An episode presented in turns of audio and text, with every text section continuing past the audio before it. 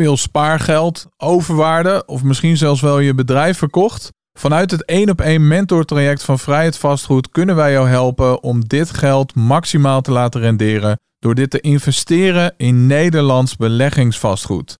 Tijdens het 1 op 1 traject ga jij in slechts een paar maanden tijd met je eigen mentor minimaal één beleggingspand aankopen. Wil jij meer informatie ontvangen over dit 1 op 1 begeleidingstraject? Stuur dan nu een e-mail naar info@vrijheidvastgoed.nl en dan spreken we je snel. Hugo de Jonge die, ja, die, die is met een soort marketingcampagne bezig en die wil een miljoen woningen gaan bouwen. En ondertussen uh, draait hij heel bouw in Nederland uh, de nek om. Een van de dingen die ik als klein kind al altijd wilde was gewoon vrij zijn. Hè? Want ik ben uiteindelijk een kabouter met een autoriteitsprobleem. Dit hele kabinet, het, het moet gewoon weg zo snel mogelijk. Je kunt blijven geloven in die praatjes van we gaan een miljoen woningen bijbouwen, maar ze komen er niet.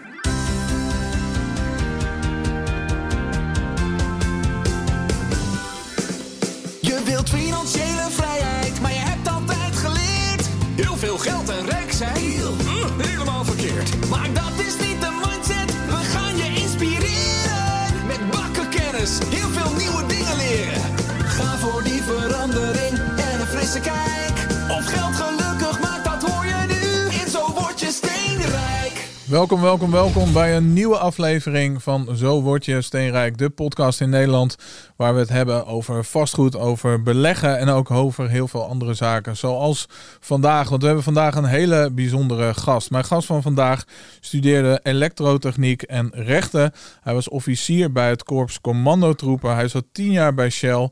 Hij is een hart en nieren ondernemer en hij heeft 150 woningen. Nu zit hij in de politiek en met Belang van Nederland neemt hij het op voor zowel de ondernemer als de vastgoedbelegger. Ik heb het over mijn gast van vandaag, Wiebren van Haga. Van harte welkom. Ja, leuk dat ik hier mag zijn. Ja, dankjewel dat je ingegaan bent uh, op uh, onze uitnodiging. En daar tijd voor hebt uh, willen vrijmaken in je ongetwijfeld zeer drukke agenda. Nou, het is reces, hè? dus als het goed is heeft iedereen wel even vrij. Het is nu iets, iets rustiger. Want, binnenkort begint het weer. Ja, nou ja, kijk, in ieder reces uh, is iedereen toch wel bezig met voorbereiden, initiatieven voorstellen, werkbezoeken. Dus uh, het is nooit uh, rustig. Nee. Of podcast. Of podcast zoals deze. Ja, hartstikke leuk. ja, Wiebren, ben jij steenrijk? Dat is de openingsvraag van de show. Ja, dat is een he hele lastige vraag meteen. Hè? Wat, wat is rijk en hoe, hoe meet je het? Ik, ik, ik, ben, ik ben gelukkig, ik ben getrouwd, ik heb vier kinderen en... En ja, een van de dingen die ik als klein kind al altijd wilde, was gewoon vrij zijn. Hè? Want ik ben uiteindelijk een kabouter met een autoriteitsprobleem.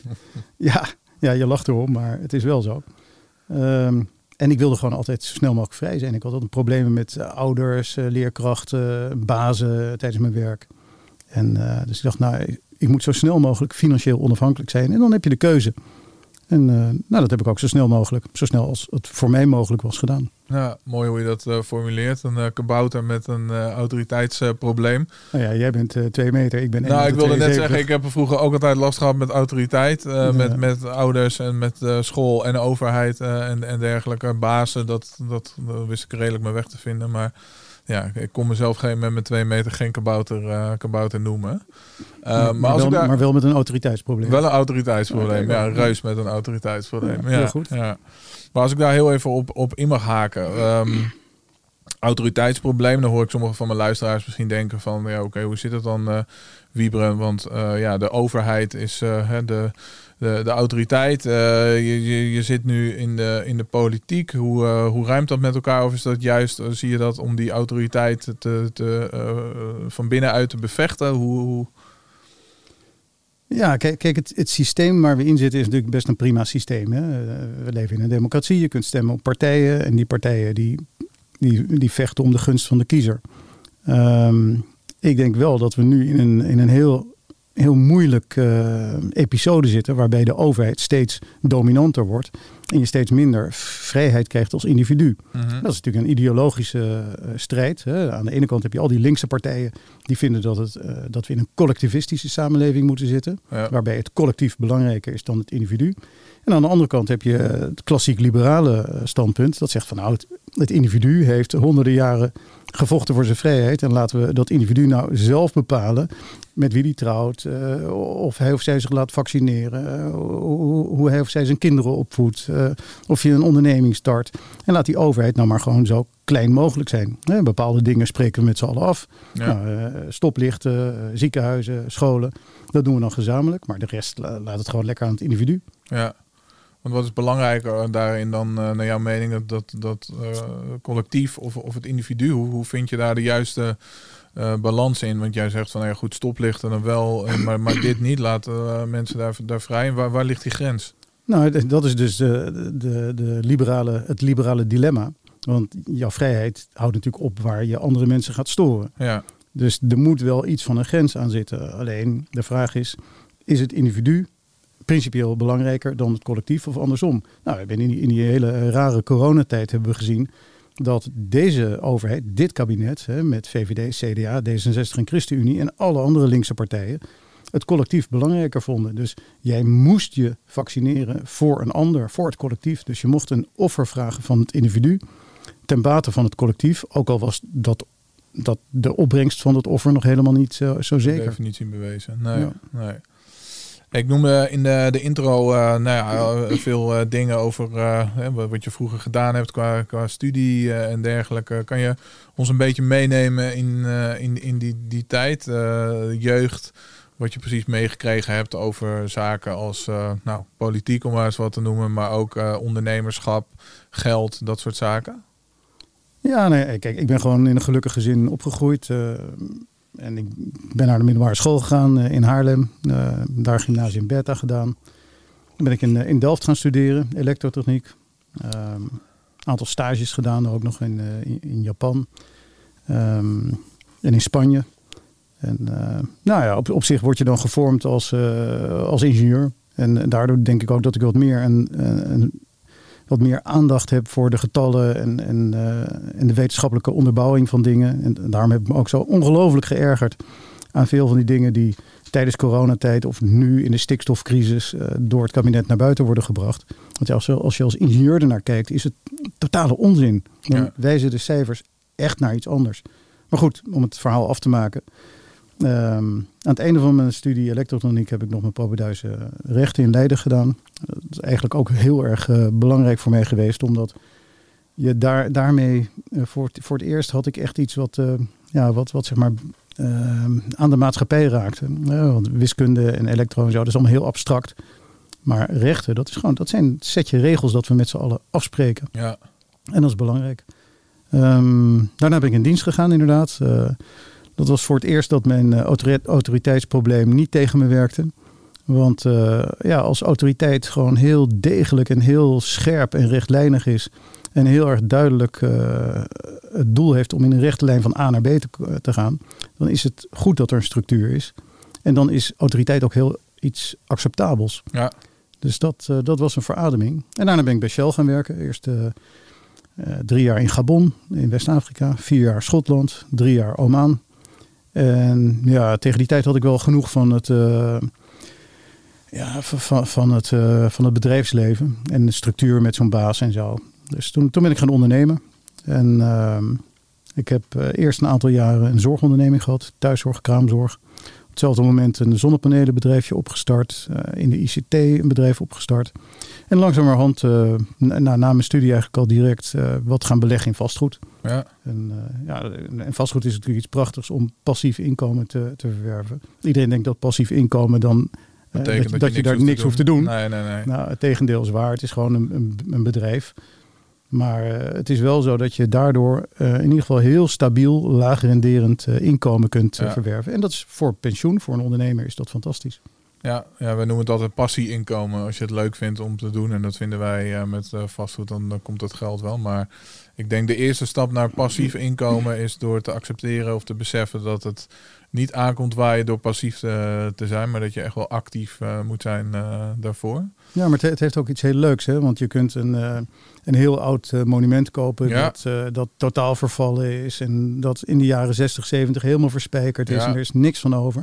Nou, dan ga je naar het stadsarchief en dan ga je kijken hoe het in 1700 is gebouwd. En hoe het er toen uitzag. En dan vraag je een bouwvergunning aan. En dan, en dan ga je dat weer restaureren. Ja. Heel veel ambtenaren vinden dat vervelend. Hè? Die noemen dat historiseren. En dan uh, zeggen ze, ja, nee, maar we willen graag die lelijkheid uit de jaren 60 en 70 willen we eh, zien contrasteren met, uh, met de oudheid van het pand. Ja, ik vind dat niet mooi. Ik wil gewoon een prachtig monument hebben, zoals dat was in 1700. Ja. Met dezelfde kleuren, dezelfde voegen. Ja. Dat vind ik mooi. Nou ja, goed, daar uh, verschillen de, de, de, meningen over. Maar um, ik, ik, bedoel, ten opzichte van die, van die ambtenaar, die ziet dat waarschijnlijk misschien ook als lastig of, of werk. Of, um, nog heel even over dat, uh, de tijd bij het, uh, bij het korps en de commando. Want je zei van ja, goed, daar had ik geen uh, problemen met die, met die autoriteit. Ik ben even benieuwd wat dan het ja, verschil is. Wanneer het wel is dat als het, als het doel duidelijk is. Nou, misschien ben ik daar te snel overheen gegaan. In het begin had ik natuurlijk wel enorme problemen. Want je hebt zo'n elementaire commandoopleiding en dan heb je een stuk of acht, denk ik, instructeurs uh, sergeanten die die opleiding verzorgen. En iedereen krijgt zijn eigen op maat gemaakte commandoopleiding. Ja. En voor mij was het uh, fysiek, vond ik het allemaal wel acceptabel. Maar het was meer uh, psychisch, was het gewoon een, een hel. Omdat ik natuurlijk als een hele arrogante, vervelende student daar aankwam. En ze onmiddellijk door hadden dat dat niet helemaal de bedoeling was. Dus um, ja, de, de openbaring komt op het moment dat je denkt dat je beter bent dan anderen. Omdat je bijvoorbeeld gestudeerd hebt. Ja. En je merkt dat als je vijf nachten niet geslapen hebt en lang niet gegeten hebt, dan merk je dat een uh, timmerman uit Zeeland eigenlijk veel beter is dan jij op dat moment. Ja. En dat, uh, ik denk dat ik daar veel van mijn vooringenomenheid uh, heb moeten achterlaten. En ja, na, ja. na, die opleiding, ja, toen realiseerde ik me dat ja, als het gewoon goed gestructureerd is en de doelen zijn duidelijk en, je, en je bent omringd met oprechte en eerlijke mensen zonder bijbedoeling en iedereen heeft hetzelfde doel. Dan kan je enorme dingen presteren. En dan is het ook goed om, om, om een structuur te hebben met rangen en standen. Ja. Ja, want dingen als je IQ, afkomst of je wel of niet gestudeerd hebt, ja, dat maakt dan bij het leger. Je hebt allemaal hetzelfde groene uniform aan en uh, kort geschoren kopie. En uh, iedereen is wat dat betreft gelijk. Ja, uh, behalve die, die rangen en standen die binnen uh, het leger gelden natuurlijk. Ja, maar bij het Korps Commandotroep is het toch zo dat als je het bos in gaat, dan uh, leg je je rangen feitelijk af. Als je in, in, in een put zit of in het bos in de regen ligt, dan ja. maakt het niet heel veel uit of je luitenant bent of corporaal. Nee, nee. Ja, interessant. Ja, ik denk dat ik ook heel veel moeite ermee gehad zou hebben. Maar aan de andere kant dat het ook wel goed voor mij was geweest. Maar nou, net uh, voor uh, de, werd dienstplicht uh, afgeschaft en anders was ik volgens mij nog te lang geweest. Ja, hoe, hoe oud ben jij dan? Ik ben 40 ondertussen. Ja, ja, dus, dat is wel heel jong, ja. Ja, dat was, ja, maar ik geloof tot 1,93, anders dan pas je in geen enkel lege voer, voertuig. Dus ik was nee, sowieso, je bent ook nog te lang. Nou ja, ja, Niet, voor, niet voor de commando's, denk ik. Ja. Maar, maar je bent in goed gezelschap, want Mark Rutte heeft natuurlijk ook geen dienstplicht gedaan. Ja, en die is van 67, net als ik. Ja. Dus, uh, maar die was toen uh, debatwedstrijdjes uh, met de JOVD aan het organiseren. Dus ieder zijn meug. Ja. Hey, over het ondernemen, want ik hoorde allerlei verschillende dingen. thuiszorg, kraamzorg, vol, volgens mij ICT, zonnepanelen, vastgoed. Um, van, van waar die diversiteit in, in ondernemingen? Uh, sprak het allemaal uh, aan? Of, of uh, is ondernemen in de basis hetzelfde en maakt het product of dienst die je levert niet heel veel uit? Nee, dat, dat denk ik niet. Ik denk dat je uiteindelijk gewoon iets moet doen waarin je ook goed bent en waar je gepassioneerd over bent. Ehm, thuiszorg en kraamzorg kwam omdat mijn zusje ooit een thuiszorg- en kraamzorgonderneming had opgezet. Ja. En daar kwam ik ook in terecht. zonnepanelen was logisch, want ik ik ben afgestudeerd eh, in de optica. Dat was een, een, afdeling binnen elektrotroniek. Dus ik wilde altijd in de, in de zonnepanelen of in de alternatieve energieën terechtkomen. En daarom ben ik overigens ook bij Shell gaan werken. Die had toen Shell Solar. En, uh, Shell is altijd een hele vooruitstrevende onderneming geweest. Die heel erg keek naar renewables.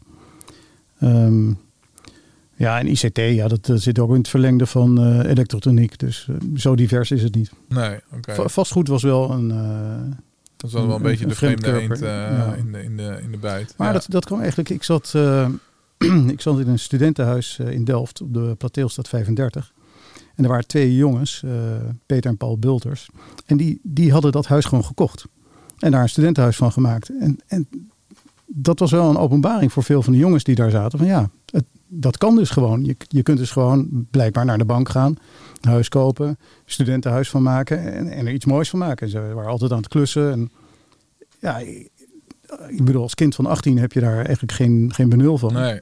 Maar daar waren gewoon twee jongens die hadden het gewoon gedaan. Dus het waren eh, medestudenten, huisgenoten, maar zij waren de, de eigenaar van het, eh, Ja, van het ja, pand. Ja. En verhuurden onder andere aan, eh, aan jou. En dat was wel echt een, een eye-opener. Ja, ze verhuurden het voor heel weinig, hè, 200 gulden per maand. Maar, maar toch, het feit dat zij als jonge studenten het gewoon deden. En, dat, dat was wel een, een eye-opener, ja. Maar dan heb je die eh, eye-opener, dan, maar dan ben je eh, 18. Eh, Dan heb je wanneer nog steeds geen geld, nee. Nee, Wanneer waren dan de, de, de eerste stappen uiteindelijk in het, eh, in het vastgoed? Nou ja, op een gegeven moment wilde ik gaan afstuderen. En toen, eh, ja, dan ga je eerst even om je heen kijken. Nou, eh, in al die studentensteden kunnen eh, studenten geen woning krijgen. Want er zit altijd een heel links stad, stadsbestuur. Ja, En die zijn altijd tegen woningdelen, tegen splitsen, tegen studentenhuizen. Dus dat was onmogelijk. En toen heb ik in Den Haag aan de Kokstraat 170 gewoon een appartement gekocht. Voor 35.000 gulden, 13% hypotheek. Ik had, eh, nou, ik had weet ik wat, eh, 20.000 gulden spaargeld. eh, doordat ik studentassistent was ge- geweest en zo. Nou ja, dan, eh, en ik kreeg, ik kreeg een lening van de bank. Maar inderdaad een kleine lening voor, voor eh, 13% rente. Ja bizar. Hè, als mensen En toen moest ik in dienst en toen heb ik eh, dat, dat appartement verhuurd. En dat Ja. was de eerste keer dat ik dacht van ja, dit is toch wel interessant. Ik heb hard gewerkt, ik heb dat geïnvesteerd. Ik heb één pand of één, één appartement. En er kwam een paar honderd eh, gulden netto winst uit. Ja, Nou, dat is toch leuk bovenop je wedden van 600 eh, gulden per maand. oh ja, wet heet dat. Hè? Ja, Ja, ja, wedden. ja. En, en ehm, dat heb je dan in de loop der jaren nou ja, verder, verder uitgebouwd. Ja, nou, kijk, het, het werd natuurlijk wat makkelijker toen ik bij Shell ging werken. Want eh, dan verdien je gewoon meer. Eh, Als je in de jungle in Gabon in een bouwkeet eh, woont, een jaar lang, dan, dan hou je gewoon 100.000 gulden over. En dan, Ja, je kan niet toch uitgeven daar. nee, je kan niks uitgeven, er gebeurt niks. Je, ja, je zit er gewoon, je, je eten is betaald. Ja. En, je, je slaapplaats is betaald, je gas, water en licht. nou, je airconditioning is betaald, voor Ja. zover die er was. En je bent gewoon jaren hard aan het werk. En ja, en als je dan terugkomt in Nederland eh, en je hebt eh 100.000 gulden gespaard in één jaar. Eh, maar ja, dat is wel het resultaat van en studeren en hard werken en, en die mogelijkheid krijgen. En dan gewoon afzien. Dus ik, kijk, ik heb drie jaar in de, in de jungle gewoond. Vier jaar op zee gezeten, dus op de Brand Charlie in de, in de Noordzee. En, en, en drie jaar zeg maar in de woestijn. Dus waar andere mensen gewoon... Liever thuis comfortabel op de Ja. bank, Netflix. eh, Ja, maar is- ik- kijk, ieder zijn keuze. Ik ben daar ook niet denigerend over. Alleen je moet je realiseren dat als je ambtenaar wordt bij sociale zaken. en je verdient meteen best een behoorlijk salaris. maar je, je werkt bijvoorbeeld part-time. en je, dan heb je gewoon een, een, een eh, comfortabeler leven in het begin. Ja, en ik heb de eerste tien jaar gewoon eh, gekozen voor afzien en gevarengeld, eh, nachtdiensten. Hè, 35 dagen nachtdienst achter elkaar. Nou, dan dra- draai je dus 35 dagen achter elkaar, 12 uur nachtdienst in, in, in de regen en, in het donker, ja, daar krijg je toeslag voor. Dus eh, ja, je offert er wat voor op. Maar eigenlijk is het aan de andere kant ook weer een enorme ervaring. Dus je krijgt er extra ervaring door en je krijgt er extra geld door. En dat heb ik geïnvesteerd. En daar waar andere collega's van mij, eh, weet ik wat, een gele dure BMW kochten, eh, kocht ik een pand in Amsterdam. ja, voor, eh, nou ja, voor, voor toen eh, nog steeds serieus geld natuurlijk. Maar als je het toen- vergelijkt met nu... ja, eh, Toen was het heel veel, hè? 100.000 gulden voor, voor, voor vier appartementen. Ja, dat was gigantisch. ja, En iedereen verklaarde me ook voor gek toen. En het, ja, de rente was hoog. Het was gewoon, het was gewoon niet, niet goed zaken doen. nee. Maar ja, en er was heel veel sociale verhuur natuurlijk. Dus je, en in die tijd kon de gemeente Amsterdam, die wees ook nog huurders toe. Dus als je een sociale woning had, dan kreeg je gewoon je huurders, meneer X of mevrouw Y kreeg je gewoon toegewezen. En dat waren meestal niet eh, de mensen waar je op, op je zat te wachten. Nee, nee, dat eh, moet wel frustrerend geweest zijn af en toe. Of, Ja, maar ook wel heel leerzaam. En, en dat heeft ook mijn diepe, diepe afkeer tegen de overheid doen ontwikkelen. Want ja, wa- wat heeft die overheid met mijn eigendom te maken? Totale, totale absurditeit. Over leerzaam gesproken, wat, wat zijn daarin tijdens die, eh, ja, die, die, die uitzendingen en de tijd bij de, bij de commando's bijvoorbeeld, wat zijn eh, bepaalde lessen die je daaruit hebt eh, meegenomen, die je verder als ondernemer of in politiek eh, gebruikt? Ja, het is wel grappig. Ik heb eigenlijk hetzelfde gesprek laatst met Thierry Stocking gehad. Oké. Ja, maar ik, ja, ik denk een van de dingen is gewoon, je, je moet... nee, nee, de, de eerste, belangrijkste voor mij is denk ik gewoon doorgaan. Want de rest houdt op een gegeven moment op. En dan kijk je om je heen en dan ben je gewoon doorgegaan. En is de rest gewoon afgehaakt. Ja. Dus als je maar doorploetert. Dat is een, Dus, eh, dus consistent, eh, consistent. ja, gewoon hard werken. En, eh, toen ik bij Shell begon, toen was er een eh kerel, ik ben zijn naam even kwijt, maar die zei toen eh, van joh, eh, nee, dat was Mark Moody Stewart, die kwam toen langs en die zei van, er is één ding, de competitie werkt in het weekend. Dus ja, als je carrière wil maken, dan moet je sowieso in het weekend werken. Ja. En toen dacht ik, ja, maar ja, wat doet de competitie nog meer? Wat doen ze minder? Dus als je maar hard genoeg werkt, op een gegeven moment heb je nog maar weinig competitie over. Dus ik denk dat dat, eh, dat één ding is. De andere is, je, je moet gewoon eh, zorgen dat je accepteert wat er misgaat. Je aanpassen en, en, eh, en daarmee, daarmee dealen. En ik denk dat dat voor iedere ondernemer eigenlijk geldt. Als je ziet hoe, hoe alle ondernemers door de corona-ellende heen zijn gekomen. Ja. Nou, pet je af. Als, je, als, je, als je ziet hoe horeca-ondernemers nu toch weer het hoofd boven water eh, krijgen. Nou, knap. Ik heb veel kappers bijvoorbeeld gesproken in die tijd. Ja, je gaat gewoon tienduizenden euro's de min in. Ja. En die zijn er toch weer allemaal aan het terugklauteren. Eh, ja, ik vind het mooi. Ik denk dat er veel van, eh, van dat soort lessen gewoon bij, bij de kleine MKB-ondernemer gewoon te leren zijn. Ja. Dus, dus een stukje consistentie, eh, hard werken en ehm, nou ja, aanpassen aan je, aan je omgeving. Dat zijn een aantal Ja, eh, en belangrijke dan- lessen die je wilt dan, delen. dan heb je natuurlijk wel een overheid no- nodig die dat ook beloont. Dat er ook niet een systeem is waar, waarbij je wordt afgetopt. Dat als je harder gaat werken, dat je dan ontmoedigd wordt. Ja, dat we geen progressief belastingssysteem hebben. Dat het niet zo is dat eh, als jij van deeltijd voltijds gaat werken, dat je dan gestraft wordt. En, gaat. ja. Ja. dat je de armoedeval hebt. Ik bedoel, ik, ik, ik ben 38 jaar lid geweest van de, van de VVD. Altijd werd er gesproken over de armoedeval. Nou, dat zouden we wel gaan oplossen. Maar het is nog steeds zo dat als je niets doet, je zit op de bank te Netflixen en je denkt, nou laat ik eens aan het werk gaan, ik word postbode, dan hou je gewoon 300 eh, euro per maand minder over. Nou, er is geen hond meer die postbode wil worden dan. Nee. Dus, dus di- dit soort systeemfouten, die zijn door, nou, door de grote zittende partijen erin gebracht. Ja. En daardoor is het niet meer lonend om te werken. Is het zeker niet lonend om harder te werken. Is het zeker niet lonend om van deeltijd naar voltijd te gaan. Oh, maar hoe verklaar je dat dat, eh, dat soort dingen misschien ooit verzonnen en geïmplementeerd zijn? Dat is één ding, Allah. Maar dat als, dat, als we dat constateren, dat dat nog steeds niet is, is aangepast, hoe, hoe, hoe verklaar je dat? Nou ja, het is ontstaan denk ik een beetje in die eh, socialistische sfeer rond Den Uyl toen. Hè, toen werk schaars was en dan moest het werk een beetje verdeeld worden. Maar inmiddels is het werk helemaal niet schaars. En, en iedereen leest in, de, in onderzoeken dat als, als er bijvoorbeeld in de zorg iedereen één uur meer gaat werken, dan is het hele, hele te- arbeidstekort in de zorg eh, opgelost. Ja. Waarom gebeurt het niet? Ja, omdat je dan netto minder overhoudt als je een uur meer gaat werken. Of je marginale belastingdruk wordt gigantisch. Hè, als je er nauwelijks iets aan overhoudt. Dus eh, dat soort systeemfouten moeten opgelost worden door, nou bijvoorbeeld dit kabinet. Ja. Wat doet dit kabinet? Helemaal niks. Die gooit steeds meer geld naar de zogenaamde allerarmsten. Hm. Daar, daar worden echt miljarden naartoe gegooid, waardoor de armoedeval feitelijk groter wordt. Dus er wordt niks opgelost. En, en dat kan je ze kwalijk nemen. Nou, mijn partij, BVNL, eh, ja, is, is van plan daar wel wat aan te doen. Wij vinden het absurd dat als je van de bank komt en je wordt postbode, dat je dan niet gewoon gigantisch veel meer geld aan, aan het einde van de maand hebt. Ja. Maar er zijn ook andere dingen ehm, die diep socialistisch zijn. Zoals bijvoorbeeld de belasting, de erfbelasting en de schenkbelasting. Ik, ik, ik vind het onverklaarbaar dat wij accepteren dat als jij keihard werkt, je betaalt tien keer belasting over, over je geld. Dat je aan het einde van je leven denkt van nou, ik wil dit eh, aan mijn kinderen nalaten. Ja. Dat je er een gigantische bult belasting over gaat betalen. Omdat de staat zegt ja, dat is wel oneerlijk om dat niet te doen. Wat een onzin. Hè? Ja. Laat mij gewoon lekker beschikken over mijn eigen geld. Ik heb daar hard voor gewerkt. Ja. En andere mensen hebben die kansen ook.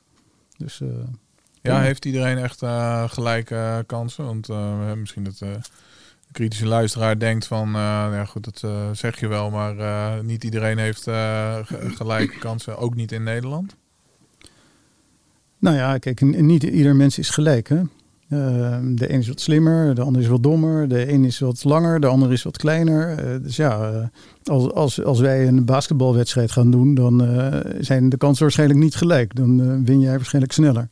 Maar ik denk dat wij in Nederland in een samenleving leven waarin iedereen goed onderwijs kan krijgen, goede gezondheidszorg.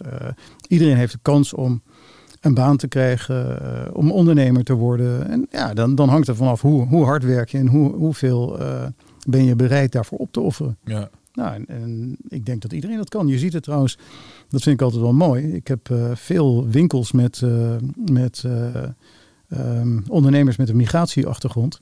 Nou, die zijn steaming. Die zijn gewoon keihard bezig. En die lachen ze rot. Want die, die merken gewoon, als jij gewoon snoeihard werkt. En je hebt gewoon goede ideeën. En en je werkt met z'n allen daar hard aan, dan kan je gewoon uh, hartstikke succesvol worden. Nou, applaus. Ja.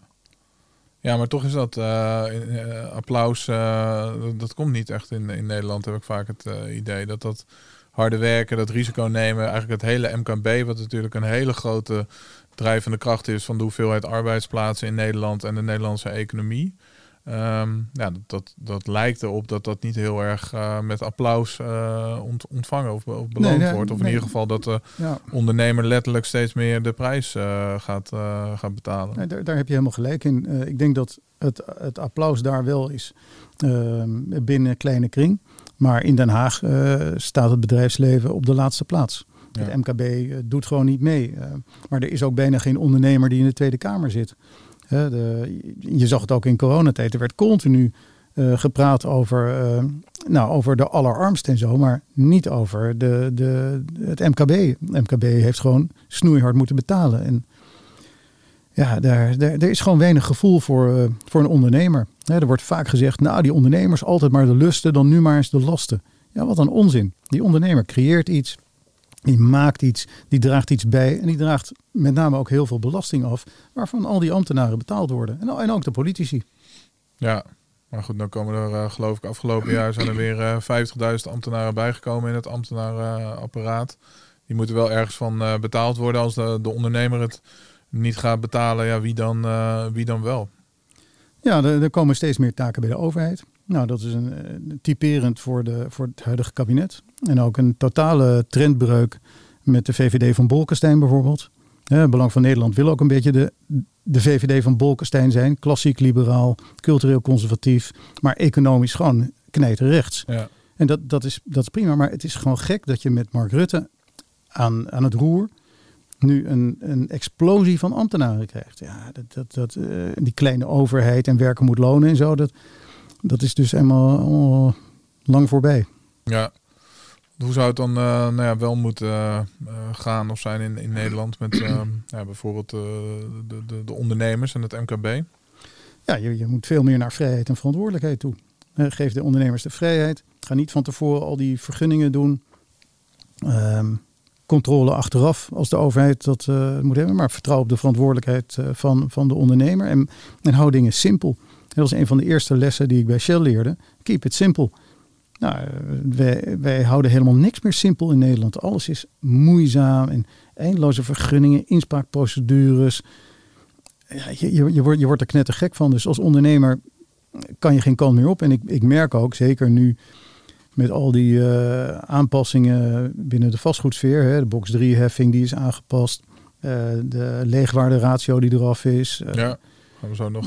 regulering van de van de middenhuur, dat, dat heel veel ondernemers denken van joh, het is graag of niet. Dan ga ik wel naar het buitenland. Ja, ja want dat is dan het, uh, het gevolg of het, of het gevaar dat uh, nou ja, mensen willen nog steeds ondernemen of beleggen. Het geld voor hun aan, een aan het werk zetten, zeker met de huidige hoge inflatie. Maar dat dat geld dus uit Nederland uh, vertrekt en in het buitenland belegd wordt. Dat is het gevolg. Ja, het is heel simpel. Hè? Het is uh, de wet van de communicerende vaten. We, we, zitten in een grote boze wereld. Ja. En Nederland is echt niet uniek. En je ziet dat uh, in Duitsland geen uh, probleem op de woningmarkt is. In België is er geen probleem. Daar is het allemaal wat simpeler. Ja, als jij bouwer of belegger of financier bent, ja, uh, be my guest. Dan ga je toch lekker ergens waar, waar de overheid wel blij is dat je investeert en risico neemt. En wel blij dat je wil bouwen. Ja, en, in, en, in, Nederland zie je ja, eh, een totaal bouwinfarct ontstaan nu. En ik, ik vind het ontzettend jammer. En het is, ja, het is voorspeld. De, de stupiditeit is gigantisch. Hugo de Jonge die, ja, die, die is met een soort marketingcampagne bezig. En die wil een miljoen woningen gaan bouwen. En ondertussen eh, draait hij heel bouw in Nederland eh, de nek om. Dat, Ja. dat, dat bouwinfarct is compleet 100% het gevolg van de regels van Hugo. Dus ja, dat Hugo-effect, dat kun, je, dat, dat kun je bagatelliseren. En je kunt blijven geloven in die praatjes van we gaan een miljoen woningen bijbouwen. Maar ze komen er niet. Ik sprak laatst een, eh, een bevriende architect. Zei, ja, eh, een project met eh, 2000 woningen, 80% afgebouwd. De, de opdrachtgever trekt de stekker eruit. De bouwer wordt naar huis gestuurd. Want ja, ze gaan gewoon niet bouwen voor verlies. Nou, Nee. Begrijpelijk. Logisch. Maar het is Ja. het ontkennen van een, van een kapitalistische wereld waarin we zitten. En die barmhartig kapitalistische wereld was, was prachtig. Die functioneerde goed. Ja, een dat is het eh, grootste geluk voor, eh, voor iedereen. Ja, het is een beetje het, eh, be- misschien wel een beetje het Lubbers effect. Hè, Lubbers was natuurlijk, kwam uit een familie, ondernemersfamilie. Met, met, met het idee van, joh, als, als die machine draait, dan, dan komt het goed met de BV Nederland.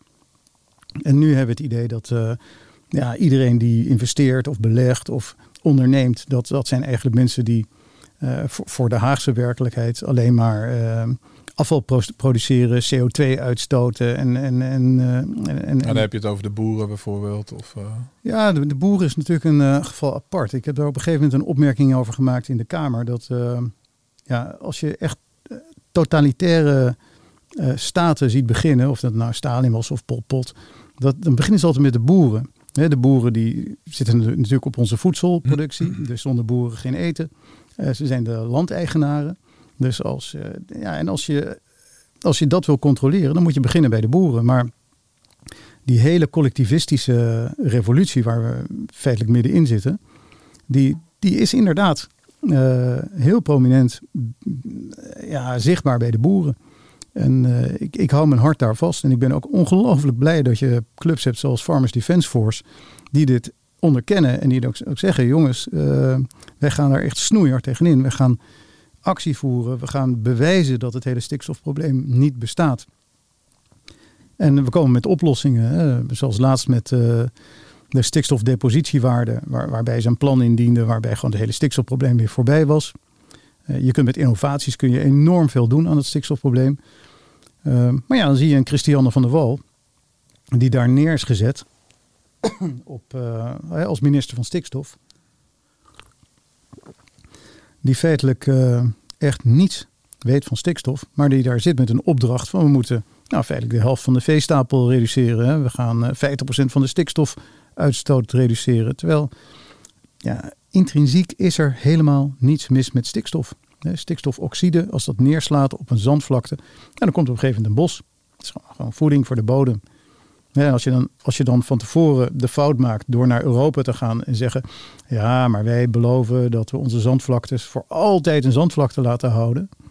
Ja, dan, dan, dan maak je een, gewoon een bureaucratische fout. Dan zit je in een soort Kafkaeske, Kafkaeske nachtmerrie waarbij je ja, jezelf in de voet aan het schieten bent. ja. Terwijl als je zou accepteren dat stikstof prima is, dat CO2 prima is, ik bedoel, eh, CO2 is heel goed voor planten, dan, eh, ja, dan, dan accepteer je dat. Ja, je zal een andere vegetatie krijgen, je zal andere planten en beesten krijgen, maar ja, ik heb niks tegen een eikenbos. Nee. Ik vind het leuker dan een zandvlakte. Ja, maar, maar sowieso natuurlijk eh, bijzonder dat er een eh, aparte minister voor, eh, voor stikstof is. Ehm, terwijl er voor wonen bijvoorbeeld heel lang geen, geen minister is, is geweest. Ja, en, en dan met name, zet dan een ingenieur op, op stikstof. Nou ja, en het feit is inderdaad dat degene die dan op zo'n post zit, naar jouw mening, daar gewoon ni- niks van, van, van af weet. En, Ja, ze, ze, ze- kijk, ze heeft een opleiding in facility management gedaan. Volgens mij, als je een op- opleiding doet in facility management, dan moet je facility manager worden en geen minister van stikstof. Lijkt mij. En als je, Ja, ik eh, weet wel dat dergelijke opleidingen, ik heb zelf vrije tijdsmanagement eh, gestudeerd. Ja, dat zijn voor die opleidingen die heel eh, breed zijn en waar je eigenlijk alles mee, mee kan, kan worden. Dus kennelijk ook minister van, van stikstof. Ja, maar ik toch, hè, als ik een open hartoperatie eh, nodig heb, dan heb ik liever dat een hartchirurg dat doet dan een hele goede advocaat. Ja. En als ik een hele moeilijke rechtszaak of heb, iemand die facility management heeft. eh, dat weet ik niet. Maar, nee, maar als ik een hele moeilijke rechtszaak heb, dan heb ik liever geen hartchirurg die mij gaat verdedigen. Want dat zijn gewoon incompetente mensen op die vakgebieden. Dus je, je wil een competent iemand hebben.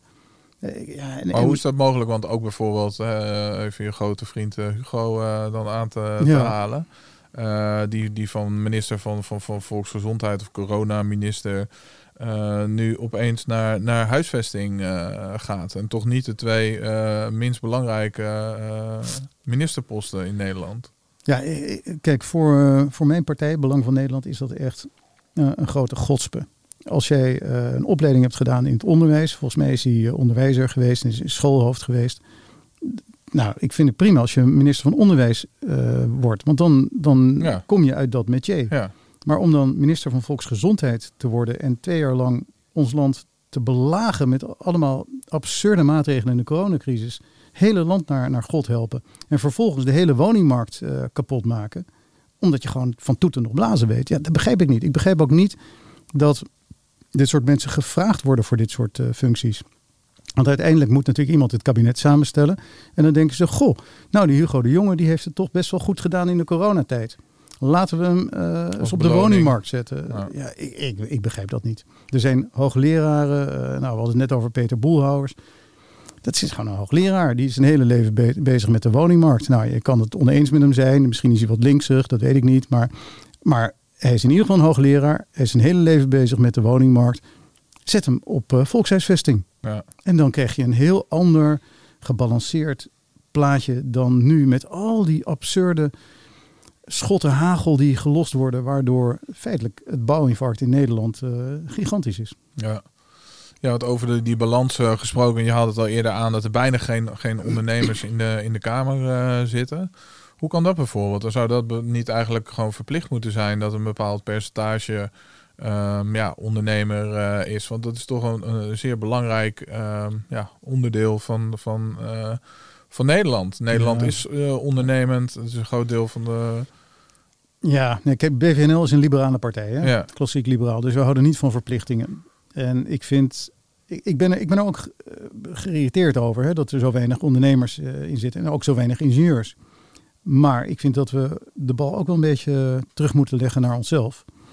Ik, ik kan nauwelijks een ondernemer vinden die zin heeft om daar zijn tijd en, eh, en, en, energie in te steken. Nee. Dus eh, bij ieder praatje dat ik houd in, in zaaltjes en op politieke cafés, vraag ik wel wie zijn er ondernemer? Wil je alsjeblieft bij ons op de lijst gaan staan?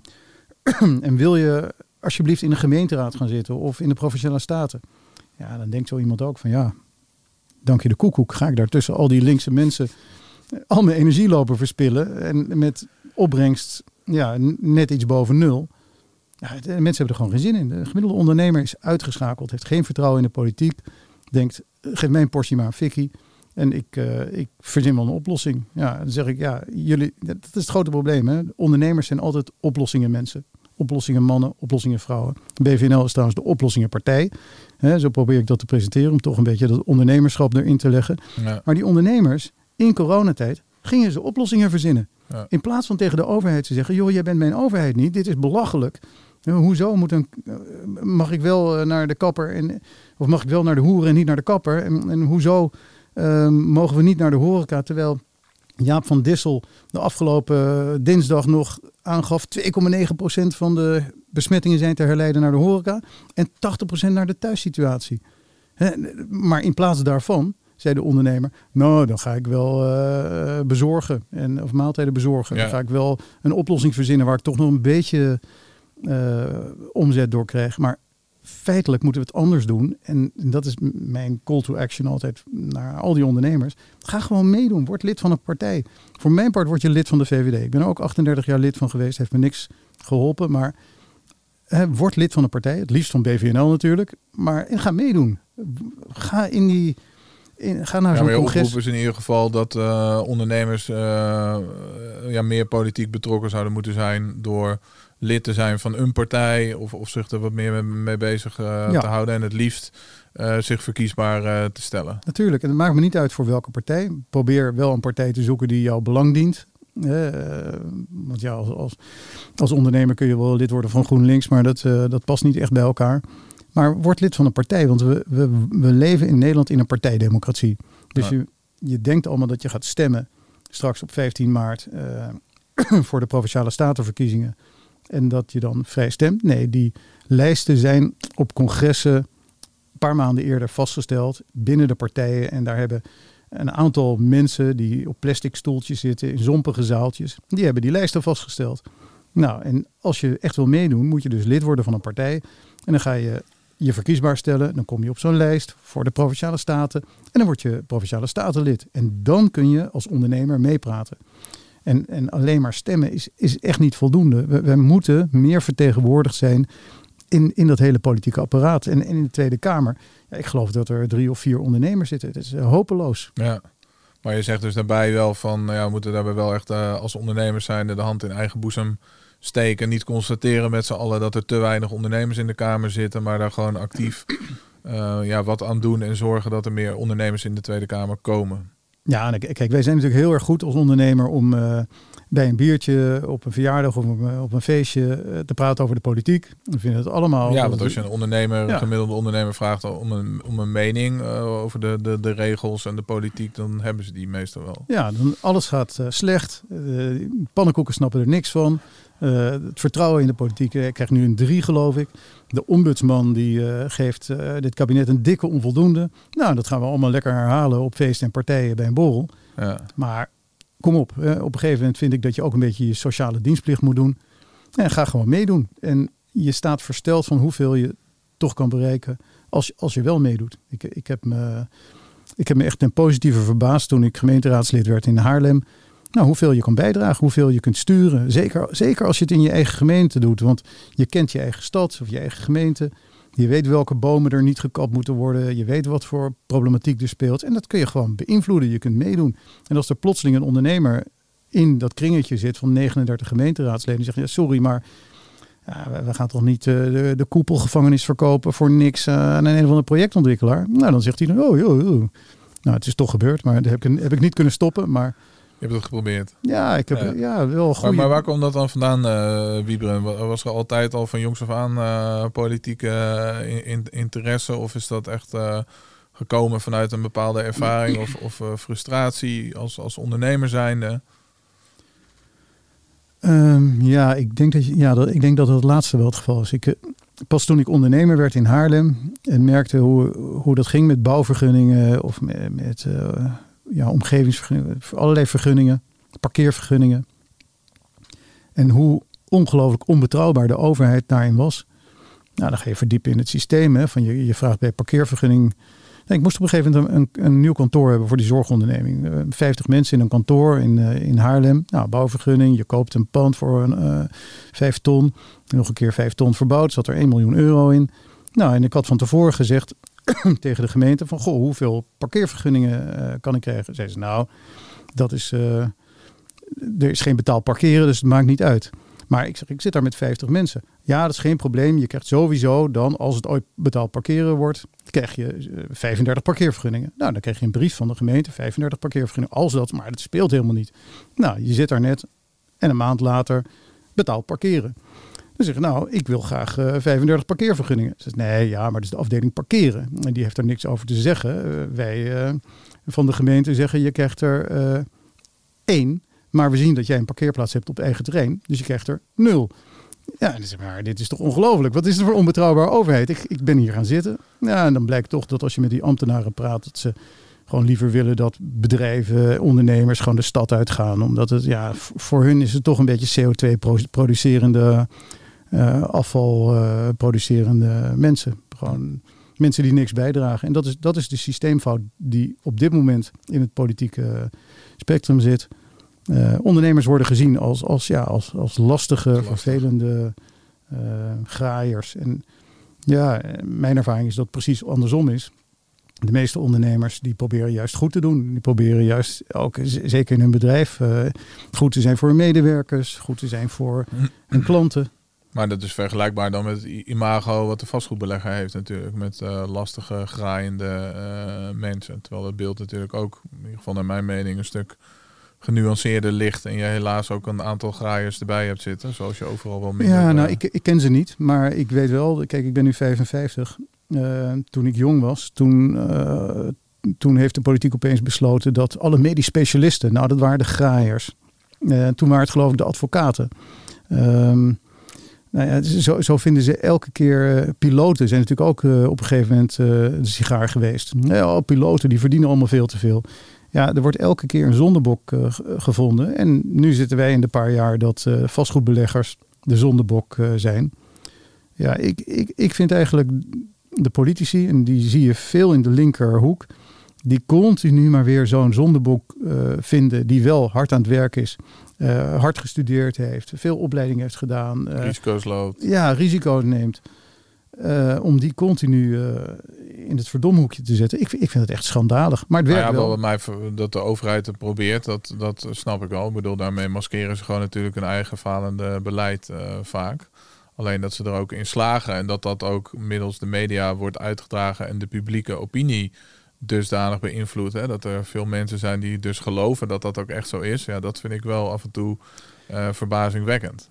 Ja, ja je, je hebt bepaalde voorbeelden waar ik nog steeds eh, eh, niet begrijp hoe iedereen erin kan stinken. Op een gegeven moment zei, ik ben zijn naam even kwijt, die, is die, die wethouder in Amsterdam, ehm Ja, ik Laurens. Evans. Ja, Ja, op een gegeven moment werd hij weer weggestuurd. Maar Laurens Evans die kwam met een plan. van GroenLinks geloof ik. Nee, ik dacht de SP. Maar ik weet het niet meer. Ja. Maar anyway, die vent die zat op wonen. En, eh, en die was woest op alle beleggers. Hè. Nou, en wat had hij bedacht? We gaan woningdelen gaan we verbieden. Want de, de politieagent en de verpleegster die moeten weer in de stad eh, kunnen wonen. Nou, eh, dat klinkt heel aangenaam. Ja, Alleen, er waren, geloof ik, 17.000 eh, legale woningdeelsituaties in Amsterdam. Waar, nou, bij mij bijvoorbeeld vier eh, verpleegkundigen op één etage van 120 vierkante meter vier woonden. politieagenten of vier leraren. Die woonden daar. Die betaalden dan 400 euro per persoon per maand. Eh, Niets aan de hand. Vervolgens moest je een vergunning aanvragen en deed hij alsof alles illegaal was. Moesten er 17.000 keer, hè, want je mocht toen wel met z'n tweeën eh, eh, wonen. 17.000 keer twee, eh, 34.000 eh, mensen moesten de stad uit. Hè, omdat er nauwelijks vergunningen werden afgegeven. Bovendien was het een enorme ingreep om een vergunning te krijgen met alle verbouwing die je moest doen. Dus uiteindelijk zijn heel veel mensen ertoe overgegaan om die vier verpleegkundigen eh, ja, het contract niet te verlengen of eruit te gooien. Of op een gegeven moment, eh, als mensen opzeggen, dat niet meer aan vier verpleegkundigen te verhuren. En dan verhuur je het aan een expat voor twee keer zoveel geld. Ja, is dat de bedoeling geweest? Nee. Heeft de SP daar een enorme marketingcampagne mee gewonnen? Ja, want wij zijn met z'n allen zo dom om daarin te trappen. Maar het heeft netto eh, als resultaat gehad dat studenten, eh, mensen inderdaad zoals verpleegkundigen en politieagenten gewoon de stad uit zijn gejaagd. Onder het mom van we gaan wat voor jullie doen. En het is gewoon, gewoon, het, is gewoon eh, het paard achter de wagen binden. En zo, zo geldt het voor heel veel dingen. Je mag geen eh, verdieping meer op woningen zetten. Je mag niet meer splitsen. Je mag niet meer samenwonen of eh, woningdelen.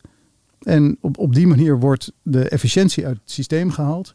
Onder het mom van we doen wat voor de burger. En ze doen niks voor de burger. Ze doen wat voor zichzelf. Ja, dat is natuurlijk heel mooi om te roepen van hè, er moeten eh, een miljoen woningen eh, gebouwd worden en honderdduizend per jaar. Hè, dat is al, nou, ik geloof decennia het magische getal wat er elk jaar gebouwd moet worden. Nou, ik geloof afgelopen jaar eh, minder woningen gebo- gebouwd dan een hele lange tijd. Alles ligt, ligt stil. Ehm, maar deze maatregelen, eh, ja, mijn kinderen die zijn dan nu eh, bijna drie. Eh, ja, zelfs zij zouden volgens mij inzien dat dit soort maatregelen een compleet averechts effect hebben op, op de markt. En juist ervoor zorgen dat de markt nog meer ja, vast komt te zitten dan die al is. In plaats van dat de problemen echt daadwerkelijk worden, worden aangepakt. Ja, maar dat is feitelijk het, de, het geval voor iedere crisis waar we ons nu in, in bevinden. Er wordt gewoon niet op een, eh, op een technische manier naar gekeken, maar gewoon op een soort marketingmanier. En eh, ja, de, het woningprobleem is daar een groot voorbeeld van. Als je 100.000 mensen per jaar in de afgelopen tien jaar binnenlaat, hè, eh, migratie, asielzoekers, netto saldo is ongeveer 100.000 per, per jaar. Die mensen moeten ergens wonen. Hè. Of je het nou mee eens bent of niet. Hè. Maar als je ze binnenlaat, moeten ze ergens wonen. Als je dan al tien jaar feitelijk niks bijbouwt. En nu nog eens een keer gaat zeggen, nou, we gaan eh, extra bijbouwen. Maar je maakt het zo moeilijk, zodat mensen die bouwen eh, daar geen winst meer op kunnen bouwen. Dan wordt er niks meer gebouwd. Nee. Nee, Maar- precies, want iemand zal die woningen moeten eh, gaan bouwen. De overheid die doet het niet. Dus die zijn daar gewoon in afhankelijk van nou grote projectontwikkelaars en dergelijke. Ja, dat is natuurlijk de particuliere markt. Hè. De particuliere markt is blijkbaar helemaal niet interessant meer voor, voor de VVD en het CDA en D66. Maar de particuliere markt is maar een klein gedeelte. Eh, dan heb je daarnaast natuurlijk nog de, de woningcorporaties. Nou, die hebben net, eh, wat was het, tien jaar geleden de verhuurdersheffing om hun oren gehad. Ja, Ja, ook een, een bizarre maatregel. Eh, ja, kijk, ik vind, ik vind het goed dat er sociale woningen zijn voor mensen die dat echt nodig hebben. ja, Maar laat, ze dan, laat dat contingent dan gebouwd worden en bestuurd worden door woningcorporaties. En geef ze dan ook de ruimte. En laat particulieren helemaal vrij daar, daarbuiten. Als een particulier een woning heeft, waarom zou je het eigendomsrecht zo ver inperken dat je die woning sociaal of geliberaliseerd noemt? Nee, het is gewoon jouw woning. En als je als staat, als overheid wil dat je een sociale woning maakt, nou prima, dan doet de corporatie dat. Doe je dat als staat. ja.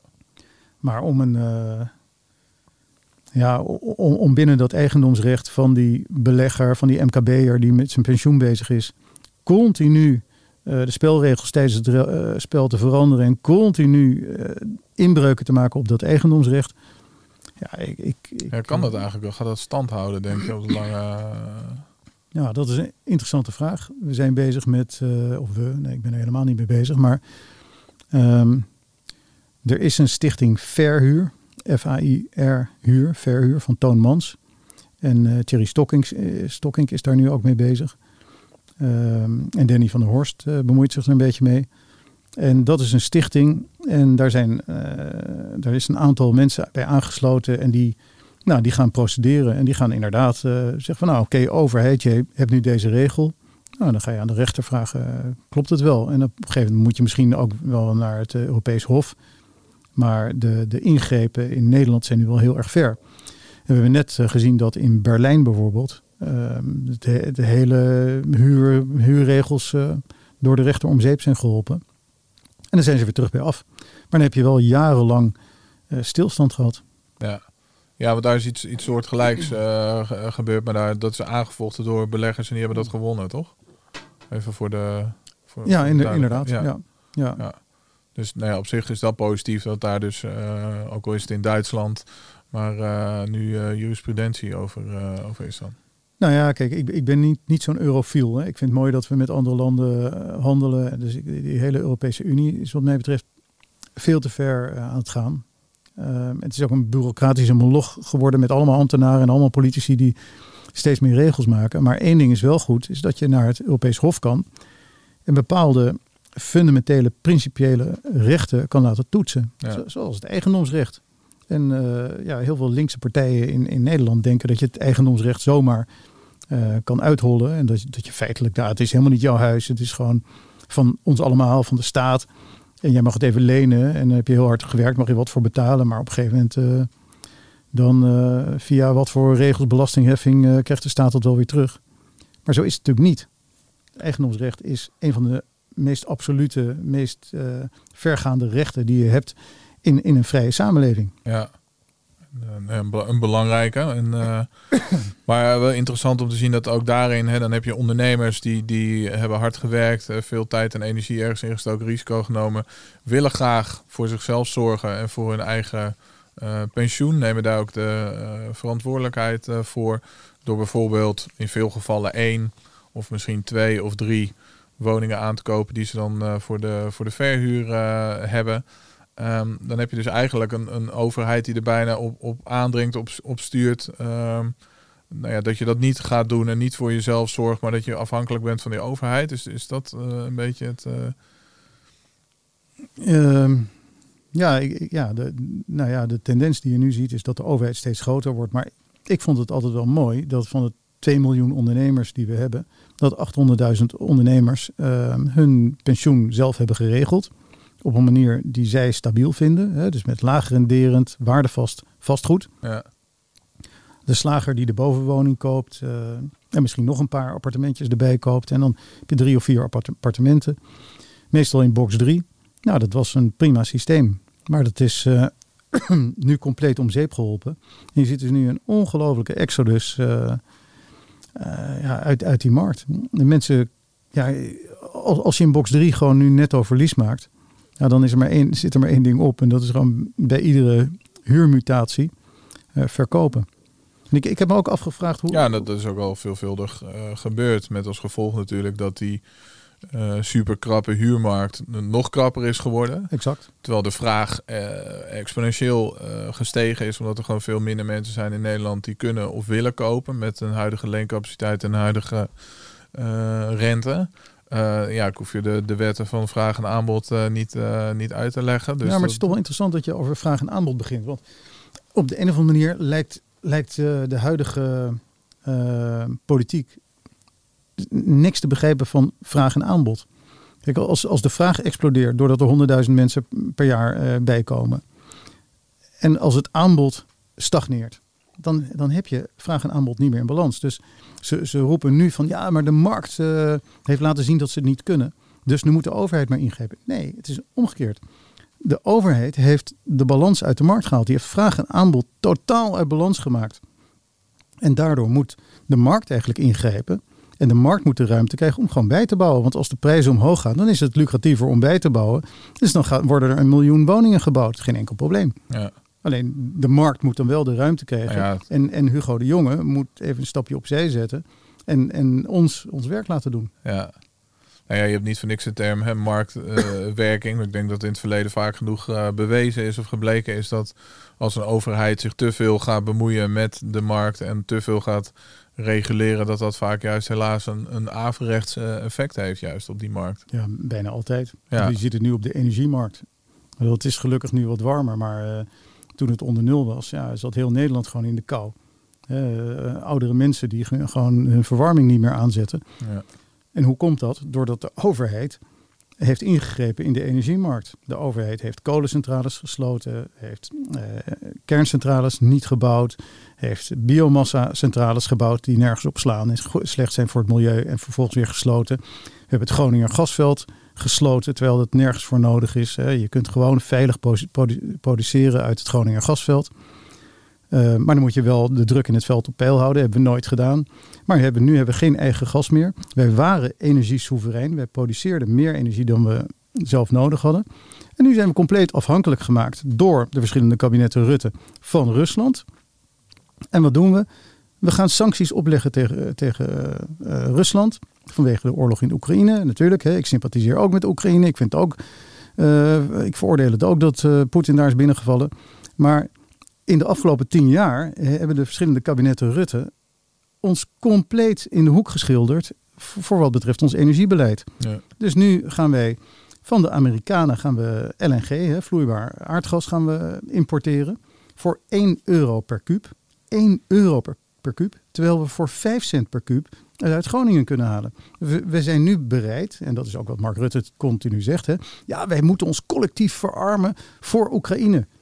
Ja, totaal debiel. Nee, wij zijn collectief aan het verarmen doordat Mark Rutte beslissingen heeft genomen om het Groninger gasveld dicht te doen en te gaan importeren vanuit, eh, vanuit eh, de Verenigde Staten. Schaliegas overigens, hè, waar iedereen hier heel moeilijk over doet. Dus wij importeren voor 20 keer zoveel nu LNG uit, uit de Verenigde Staten. Ik vind het totaal absurd. Dat is, dat is echt mismanagement van de, van de bovenste plank. Ja. Ja, je kan je afvragen ook hoe dat eh, collectief verarmen, of dat echt zo eh, collectief is. Ik vraag me soms af of eh, nou, mensen van het Koninklijk Huis of weer een aardige verhoging juist gekregen hebben. Maar dat is een andere, ander ja, verhaal. nee, die verhoging was inderdaad ja, niet, niet uit te leggen. Het, het was ook mooi geweest als ze daar dit jaar voor, van hadden afgezien. Inflatie. Maar, Inflatie. maar ik, ik vind dat een beetje lastig. Want dat is, kijk, het Koningshuis is het Koningshuis. Eh, het, op de totale begroting maakt het niks uit. Het is meer symbolisch, maar ze hadden daar symbolisch ook van af kunnen zien. Maar het, het gekke is, het is misschien niet een collectieve verarming, maar het is wel een enorme nivellering. Ja. Want de mensen die. eh, Nee, je kan je afvragen of hij ook nodig was. Dus, Nou, eh, totaal niet. Nee. De, de- nee, eh, eh, Ik was bepaalde laatst, keuzes eh, die, die gemaakt zijn of, of Ja. worden. Nee, ik was laatst in de kerncentrale in Borselen. Nou, dat is een van de kerncentrales, ik geloof eh 500 megawatt of zo. En er waren er zes gepland. Nou, die, zijn, die an- de andere vijf zijn nooit gebouwd. Dus we hadden, we hadden prima zes kerncentrales kunnen hebben. Maar achtereenvolgende kabinetten.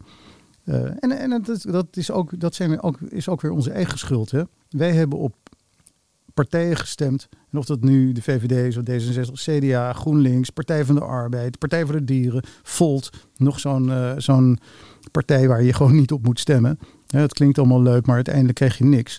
Eh, maar we stemmen dus op die partijen. En die zorgen ervoor dat er, dat er keuzes worden gemaakt in de politiek. Waardoor wij nu in ieder geval voor onze energievoorziening volstrekt afhankelijk zijn van het buitenland. En dat, dat, is, dat is gewoon bijna misdadig. Dat is, dat is grote risico's nemen met, met de veiligheid eh, van je volk. Nou, eh, en dat geldt ook voor ons leger. We gaan nu voor het eerst toewerken naar 2% van de NAVO-norm. Ons leger is in deplorabele toestand. We geven nu onze wapens weg, ons materieel weg aan Oekraïne. We kunnen ons eigen land niet meer verdedigen. We hebben, we hebben helemaal niks meer, geen tanks meer. Die kunnen we lenen van de Duitsers. Geen, geen helikopters, die moeten we lenen van de, van de Belgen. Het is een totaal drama. En Mark Rutte die staat daar voor de Oekraïnse vlag. En die zegt, Slava Oekraïni, we gaan deze oorlog winnen, want het is onze oorlog. Ja, dat is, als je het technisch bekijkt, is dat gewoon absurd. Dat is, dat is een karikatuur. Dat, dat, is, dat is gewoon, ja, het is gewoon volksverlakkerij. Als je echt een held bent, dan zeg je gewoon twaalf jaar geleden toen je aantrad, luister, we hebben een verplichting naar de NAVO. We gaan meteen 2% van ons BNP gaan we uitgeven aan ons leger, aan onze krijgsmacht. Nou, dan had je een grote mond mogen hebben, maar niet twaalf jaar het hele, eh, de hele krijgsmacht kapot maken. En vervolgens een beetje druk gaan doen voor een Oekraïns vlaggetje. En denken dat je, omdat je een paar panzerhouwitsers eh weggeeft en wij niks meer hebben, en dat je dan een held bent. Ik, ik, ja, ik, ik vind dat echt eh, niet in het belang van Nederland. Nee. nee. En nog heel even toch terug naar de, de, de, de vastgoedmarkt en de, de vastgoedbeleggers. Mhm. Veel van onze luisteraars zijn vastgoedbelegger of eh, zijn zich aan het oriënteren om dat eh, te worden. Ja. Ehm nee, goed, de, de, ik denk dat de uitdagingen in deze markt wel eh, bekend zijn. Wat, wat kan de, de vastgoedbelegger naar jouw mening op dit moment nou, ja, het beste doen om om te gaan met al die veranderingen die al zijn doorgevoerd of die er wellicht nog, eh, nog aan, eh, aankomen? Er zitten oplossingen in nou ja, splitsen, eh, bestemmingwijzigingen, eh, beleggen in het buitenland, wat je al eerder aanhaalde. Nou ja, de, de- kijk, de, het eerste advies is eh, eh, stem op 15 maart niet op die partijen die hierachter staan. Eh, Het liefst heb ik natuurlijk dat, dat mensen op BVNL stemmen. Eh, en Het is ook een beetje moeilijk, want wij, wij moeten in de, in de Tweede Kamer heten we Groep van Haga. Ja. Maar ehm, de partij heet Belang van Nederland, afgekort BVNL. Dus stem op BVNL. Maar ehm, ja, ik, ik heb er toch eh, grote angst voor dat, ehm, dat na 15 maart die plannen toch worden ingevoerd. Dat Hugo de Jonge gewoon doorgaat, dat Marnix van Rij gewoon doorgaat. En dat we nog een paar jaar met deze ellende zitten. Ja, en dan, dan moet je als eh, vastgoedbelegger gewoon oplossingenman of oplossingenvrouw worden.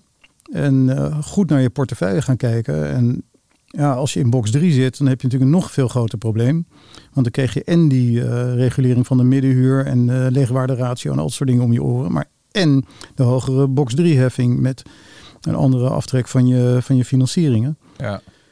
Dus ehm, ja, je, Ja, het is echt een opeenstapeling van, van, van de regels. En, eh, Ja, en die opeenstapeling maakt het eh, mogelijk dat je gewoon moet bijleggen ieder jaar. Dus ja, om, om je portefeuille Hu- Hugo-proof te maken, eh, ja, je, kunt- je kunt een aantal dingen doen. Hè. Je moet zorgen dat in ieder geval al je woningen boven de 187 punten komen. En als je dat niet kan, ja, dan moet je, moet je uitponden. ja. En eh, als je alleen maar in box 2 zit, ja, dan, eh, dan heb je het ietsje makkelijker. Maar nog steeds, dan, ja, ik zie grote portefeuilles compleet gesloopt worden door, de Hugo, door het Hugo-effect. En eh, ja, ik, ik vind dat zonde, want zo'n portefeuille, dat gaat je ook aan je, aan je hart. Hè? Ik, eh, Ja, de, de meeste mensen hebben die met eh, veel moeite opgebouwd, veel geld in hun vastgoed ge- gestoken. goed verhuurderschap eh, gehanteerd richting een. Ja, kijk, goede, goede verhuurders vragen ook helemaal niet altijd de hoofdprijs. Het hoeft ook helemaal niet. Ik doe ook vaak vrienden en bekenden een plezier. Nou, dan kinderen gaan studeren. Nou, dan gaan ze in, in een woning van mij wonen in Amsterdam. Ja, ja dat, dat, je gaat daar anders naar kijken. Nou ja, er wordt net gedaan, of eh, Hugo de Jonge die zegt ook dat eh, excessen uit de markt gehaald moeten worden. Nou, dat zijn de vastgoedbeleggers denk ik helemaal eh, met hem eens. Alleen die, die, die excessen die zijn echt nou ja, minimaal. Ik geloof dat rond de 1% van de woningen boven de 1000 euro of meer in de maand verhuurd worden. De gehele vrije sector beslaat ongeveer 7% eh, van de markt. Dat zal ondertussen alweer een stuk minder zijn. Doordat er toch wat eh, beleggers zijn geweest die eh, uitgestapt eh, Ja, zijn. maar, maar kijk, dit is weer zo'n zo'n marketingfoefje à la de SP in Amsterdam.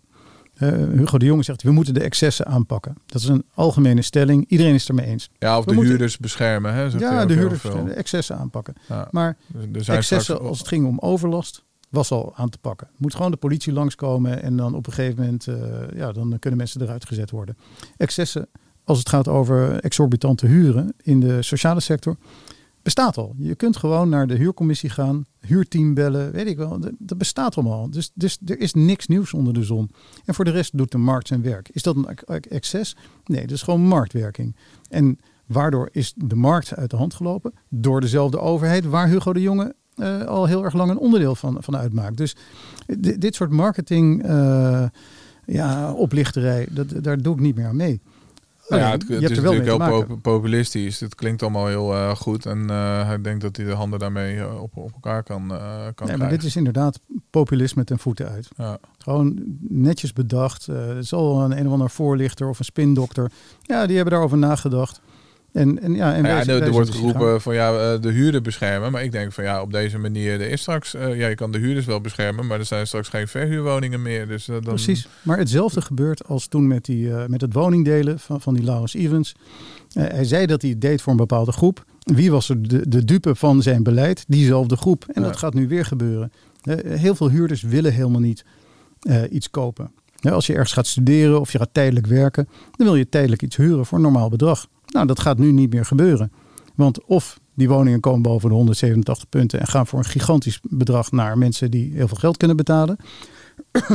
en, eh, Nou ja, die, die hele, je hebt het vaak eh, over, over de middenklasse in de, in de maatschappij. Maar eh de hele middenhuur in de huurmarkt, die gaat eruit. Het wordt straks of sociale huur of villa-huur noemde je, Of iemand het. Of koop. ja, maar, ik, maar maar er is natuurlijk heel veel vraag juist naar die, eh, dat middensegment ook. En dat naar zal- middenhuur, ja. Ja, naar middenhuur, ja. Exact. Ja, eh, kijk, ik ben heel erg voor koop. Ik vind ook dat alle. Dat, dat vind ik een gunstige ontwikkeling, een gunstig bijeffect van, van deze, deze Hugo-ellende. Dat, dat er worden veel meer mensen worden nu eigenaar. Ik zou het ook heel goed vinden als eh, woningcorporaties veel meer sociale woningen zouden gaan verkopen. Verkoop het maar aan de zittende huurder voor, met, een, met, een, eh, met een afslag van 20%. En er worden meer mensen eigenaar, meer mensen gaan vermogen opbouwen, meer mensen gaan naar de gamma om een potje verf te kopen om hun eigen, eigen huis te schilderen. Ja. Dus je krijgt toch een ander, ander eigenaarschap. Dus ik denk dat het heel goed is. Margaret Thatcher die was er heel erg voor. ja. Iedere, iedere Brit gewoon zijn eigen woning. Ik denk- dat het goed is. En dus dat is een, een voordeel. Maar dat hele middenhuursegment, dat wordt compleet, eh, ja, dat, wordt, dat, dat is Fuji. Ja. Eh, welke kant denk je dat dit eh, nou ja, opgaat? En waar de, de huizenmarkt over, eh, laten we zeggen, eh, tien jaar eh, staat in Nederland? Nou, zijn, zijn die miljoen woningen er dan? Nee, die, die, die komen er voorlopig niet. Maar ik denk dat we zullen zien, hè, want het wordt gewoon gemeten. Het CPB zal gaan rapporteren van nou, er zijn zoveel woningen ge- gebouwd in 2023. Ik voorspel je, dat wordt een enorme daling. Echt enorm. Dus dit, dit hele Hugo-effect, of het effect van het kabinet Rutte, dat gaan we nog een paar jaar zien. En dan, wat is het, in 2025 hebben we volgens mij weer verkiezingen. Ehm, en dan, en dan, eh, dan zullen mensen op andere partijen gaan stemmen. Ja. In de, in de hoop dat ze doorzien waar het door komt. Hè? Maar gaat er dan echt wat veranderen? Nou, dat kan wel, ja. Ja, tuurlijk. Eh, kijk, eh, in de tijd dat, eh, dat kabinet Lubbers was, werd er echt wel meer aan het belang van Nederland gedacht. Ik denk toen Wiegel er was, werd er ook meer in het belang van Nederland gedacht. Bolkestein heeft ook veel meer in het belang van Nederland gedacht. En, en wat er nu zit, ja, het is het belang van de VVD, het is het belang van Mark Rutte, het is het belang van Hugo de Jonge. Maar het belang van Nederland is totaal uit zicht verdwenen. Hey, om dit thema even af eh, te sluiten, en zijn naam is eh, vaak gevallen, kan je ook iets leuks, iets positiefs zeggen over Hugo? Ehm, nou, al- als je hem gewoon... Ongetwijfeld dat er één, nou ja, iets is waarvan je denkt van, nou ja, dat, dat, Nee, twee dingen denk ik. Kijk, als je hem in de wandelgangen spreekt, is echt een aardige kerel. Ja. Gewoon een leuke vent en eh waanideeën, maar echt een, eh, een leuke vent. En het tweede wat ik wel aan hem bewonder, is misschien ook een beetje door mijn militaire achtergrond, hij is wel een doorzetter. Eh, hij, hij gaat gewoon tegen de wind in door en het maakt hem niet uit wat je zegt. Eh, luistert verder ook naar niemand. Maar o- olifantenhuid. ja, hij, hij, eh, ja hij, hij is op een missie. En die missie, die. kijk, ja, ik vond het nog, nog het meest pregnant in coronatijd. Hoeveel onzin heeft die man verkondigd? En ho- hoe vaak is een ballon doorgeprikt? En hoe vaak zijn leugens eh, niet waar gebleken? En, eh, of het nou over vaccinaties ging, of over de avondklok, eh, of over de lockdowns. Mondkapjesdeal. Je mondkapjes, ja, mondkapjesdeal. Ja, dat, daar is het laatste nog niet over gezegd. Dat was natuurlijk gewoon, door en door corrupt. En we weten allemaal wie er aan de knoppen zat. Maar in ieder geval, hij heeft wel doorgezet. Dus het, het is wel een doorzetter.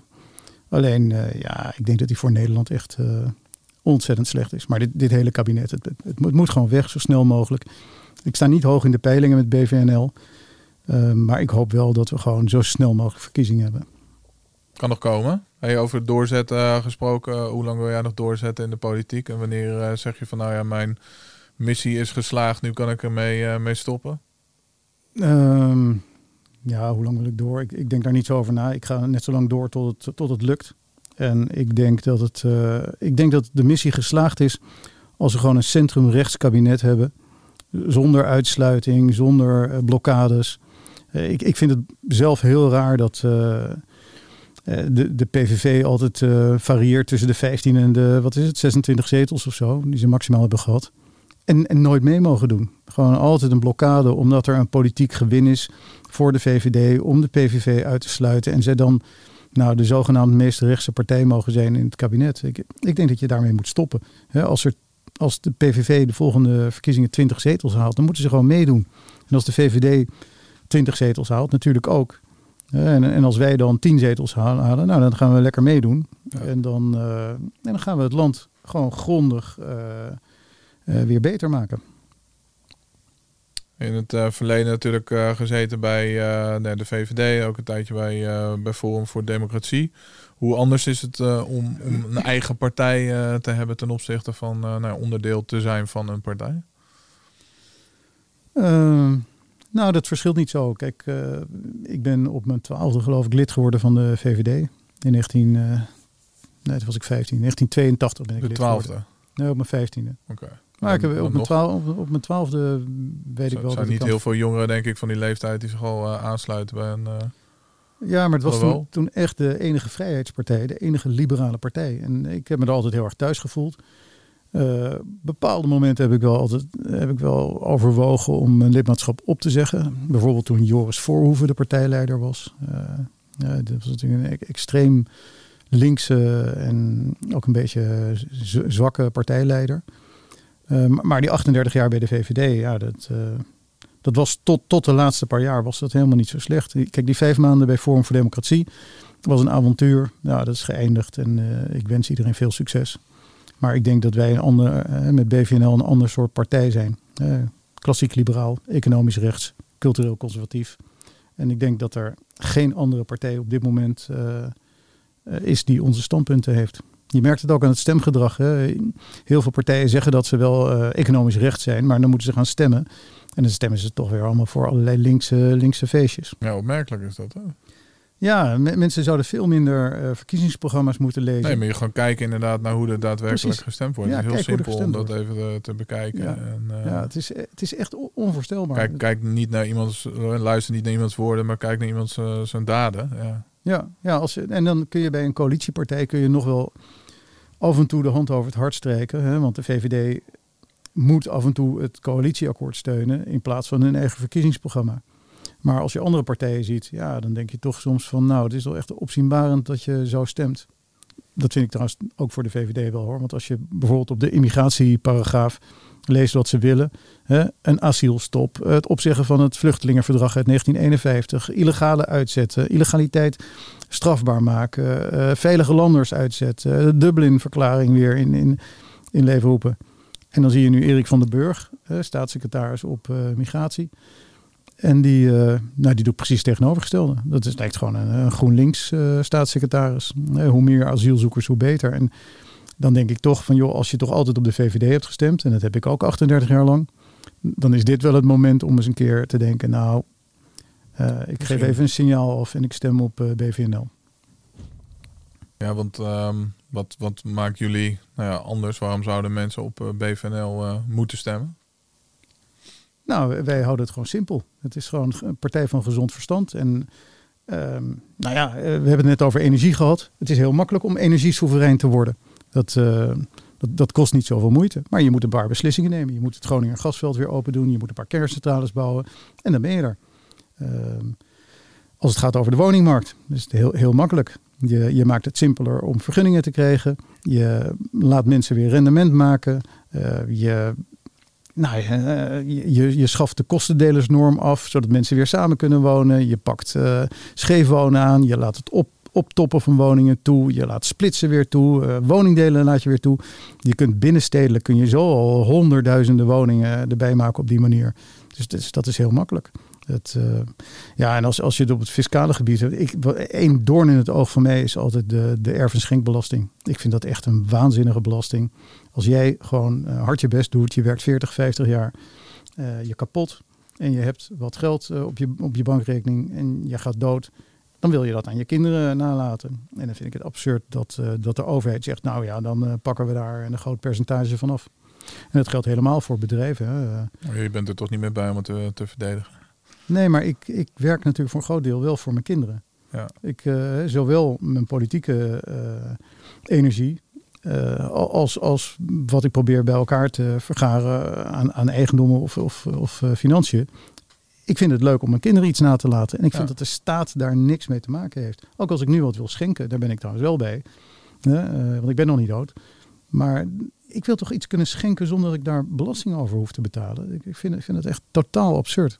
Ja. Ik, uh, ik, ik, vind het ook een, een, een nare insteek. Hè? En de, de solidariteit tussen de generaties is voor mij heel belangrijk. Ja, je, jouw kinderen zijn belangrijk. Je geeft iets door aan je kinderen. Je, geeft... ja, je wil graag aan, aan generatierijkdom, uh, zoals je dat dan uh, noemt, misschien werken. Ja, nou, ik heb veel contact met familiebedrijven Nederland. Dat is FB-net. Dat, de voorzitter is Stefan Tax. En ik weet niet hoeveel familiebedrijven daar zijn aangesloten. Ik dacht een stuk of 40.000. En die hebben ongelofelijke problemen met de bedrijfsopvolgingsregeling. Ik weet niet of je daarmee bekend bent. Ik heb er wel eens ja, van De BOR. Ja. Nou, de BOR is een van de slechtste in heel Europa. Want wij vinden in Nederland dat het echt totaal oneerlijk is als iemand een bedrijf erft.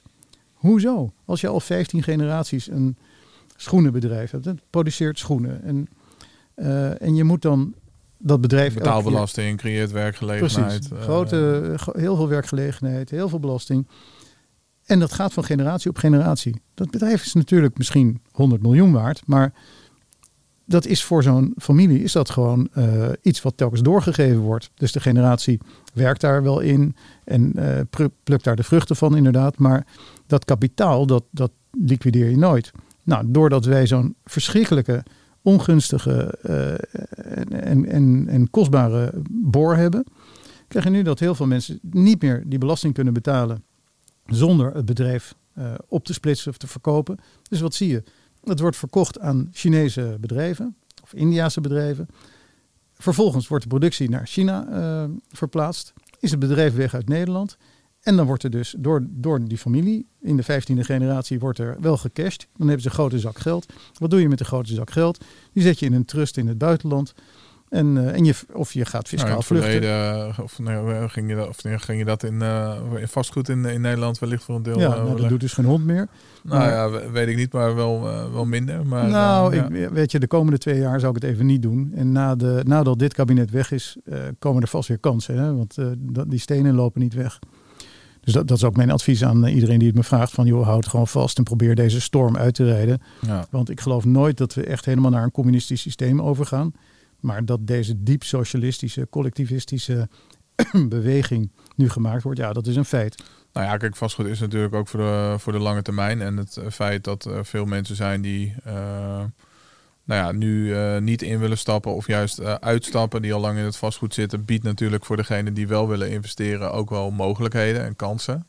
Eh, je ziet natuurlijk wel ook door de stijgende rente en daarmee de lagere leencapaciteit ehm, dat de, de, de, de woningprijzen in veel gebieden gestabiliseerd zijn of zelfs al aan het, eh, aan het dalen zijn. Dus ja, hetgeen wat je misschien extra betaalt met een hogere belasting, een hogere overdrachtsbelasting, maar ook box 3 belasting, valt voor een deel aan de voorkant bij de inkoop eh, wel eh, te compenseren.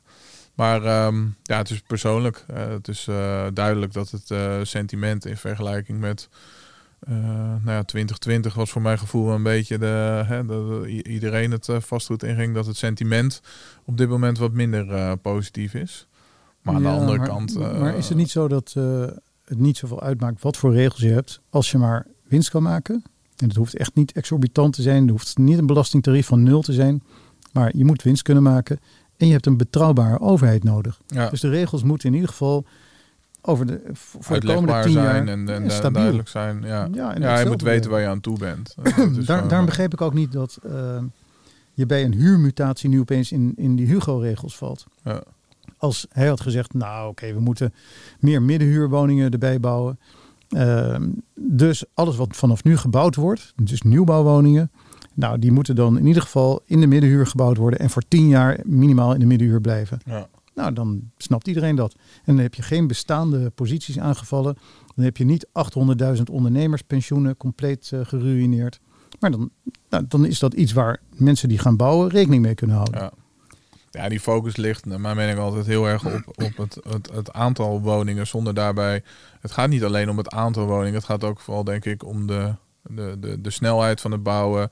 Goedkoop bouwen, kleine bouwen. Ik bedoel, er zijn nog nooit zoveel alleenstaanden geweest in Nederland bijvoorbeeld. Ja, we hebben die behoefte aan.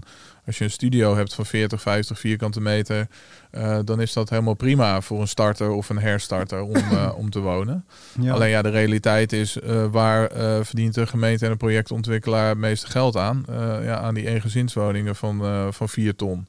Die bij lange na niet voor iedereen ook eh, haalbaar eh, zijn. Ja, dus als je iets had willen doen als overheid, dan had je moeten stimuleren dat kleine woningen, studio's, meer opbrengen.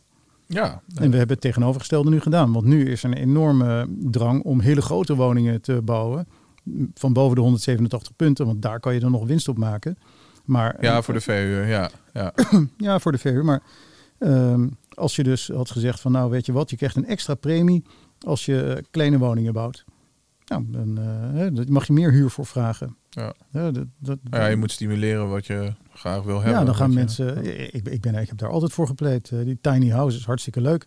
Eh, ik, ik- toen ik studeerde, woonde ik op. eh, nou, weet ik wat, 16 vierkante meter of eh 12 vierkante meter, weet ik veel. En dat maakt je geen bal uit op dat moment. Maar ik, ik heb ook een hofje in, in Haarlem. Nou, dat zijn woningen van eh 31 vierkante meter per stuk. Vroeger was dat gewoon he- heel gangbaar. Dan kleine woningen en een mooi binnentuintje. En iedereen is daar hartstikke gelukkig. Weinig schoon te maken. Ja, nee, maar ook voor ouderen ontzettend leuk. Lekkere sociale controle. Maar nu heeft het geen zin meer om dat soort woningen te bouwen. Nee. Want ja, je, je, je maakt verlies op dat soort woningen. Dus deze hele ingreep van Hugo gaat ertoe leiden dat er veel minder hofjes worden gebouwd. Veel minder woningen voor ouderen. Veel minder woningen voor studenten. En dat is een drama. Yes. Wieberen, we zouden ongeveer eh, een uurtje praten. We zitten bijna op Ja, eh, de anderhalf. Serieus. Ja, serieus. Nou, Maar dat eh, is een goed, goed teken. Is er nog iets waarvan je zegt van nou, dat zijn we vergeten of dat wil ik de luisteraar toch echt nog graag meegeven? Nee, een beetje herhaling van zetten, denk ik. Eh, zorg dat je als ondernemer gewoon mee gaat doen, meepraat. Eh, je kan ook inspreken bij een gemeenteraad. Hè. Dat, is, eh, dat is gewoon een recht dat je hebt. Je meldt je aan en dan kan je je mening geven. Het mooiste is als je lid wordt van een partij, liefst van BVNL. Ga meedoen, word gemeenteraadslid, word provinciale statenlid. Je kunt nog steeds op lijsten gaan staan bij de verschillende partijen. En dan, dan gaan we gewoon meedoen. En ik denk dat dat, dat door die hele grote uitgeschakelde groep ondernemers echt nu ter hand moet worden genomen. Want als we het nu laten zitten, dan, uh, nou, dan, dan, zitten we echt in een collectivistische heilstaat. En dat is, uh, dat, dat is echt een, uh, een horror scenario. Dus laten we ervoor zorgen dat dat niet zo ver komt. Dat is jouw boodschap. Nee, maar we zouden eigenlijk een beetje positief moeten eindigen. Ja, dus, dat, dat wil ik net zeggen. Ik dacht, nou, dit is wel heel negatief. Ja, nee, ik, denk, ik denk dat, uh, kijk, na, na, de regen komt altijd zonneschijn. En we zitten nu wel een beetje in de put. Corona en, en Hugo in de woningmarkt.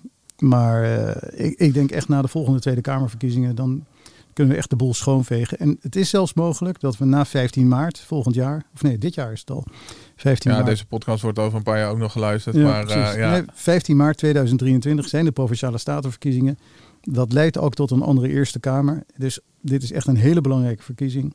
Dus ga in ieder geval ook stemmen. Ma maak gebruik van je, van je stemrecht. Absoluut. Ja. Nou, en ze leeft er nog langer gelukkig. Kunnen we dan zeggen. Ja, wij nog wel, ja. Uh, Wieberen, hartelijk bedankt uh, ja. voor, je, voor, je, voor je tijd en Ja, voor bedankt. het uh, delen van het verhaal.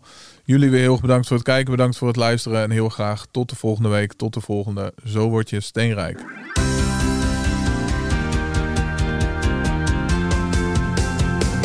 Dankjewel voor je tijd en je aanwezigheid. Superleuk dat jij bij deze podcast was. We hebben ook een website www.zowordjesteenrijk.nl. Daar kan je alle oude afleveringen terugvinden en terugluisteren. Je kan je abonneren op onze nieuwsbrief en daarmee krijg je heel erg veel waardevolle financiële tips. En we hebben heel erg veel speciale acties en kortingen met onze gasten. En welke Nederlander houdt er nou niet van korting?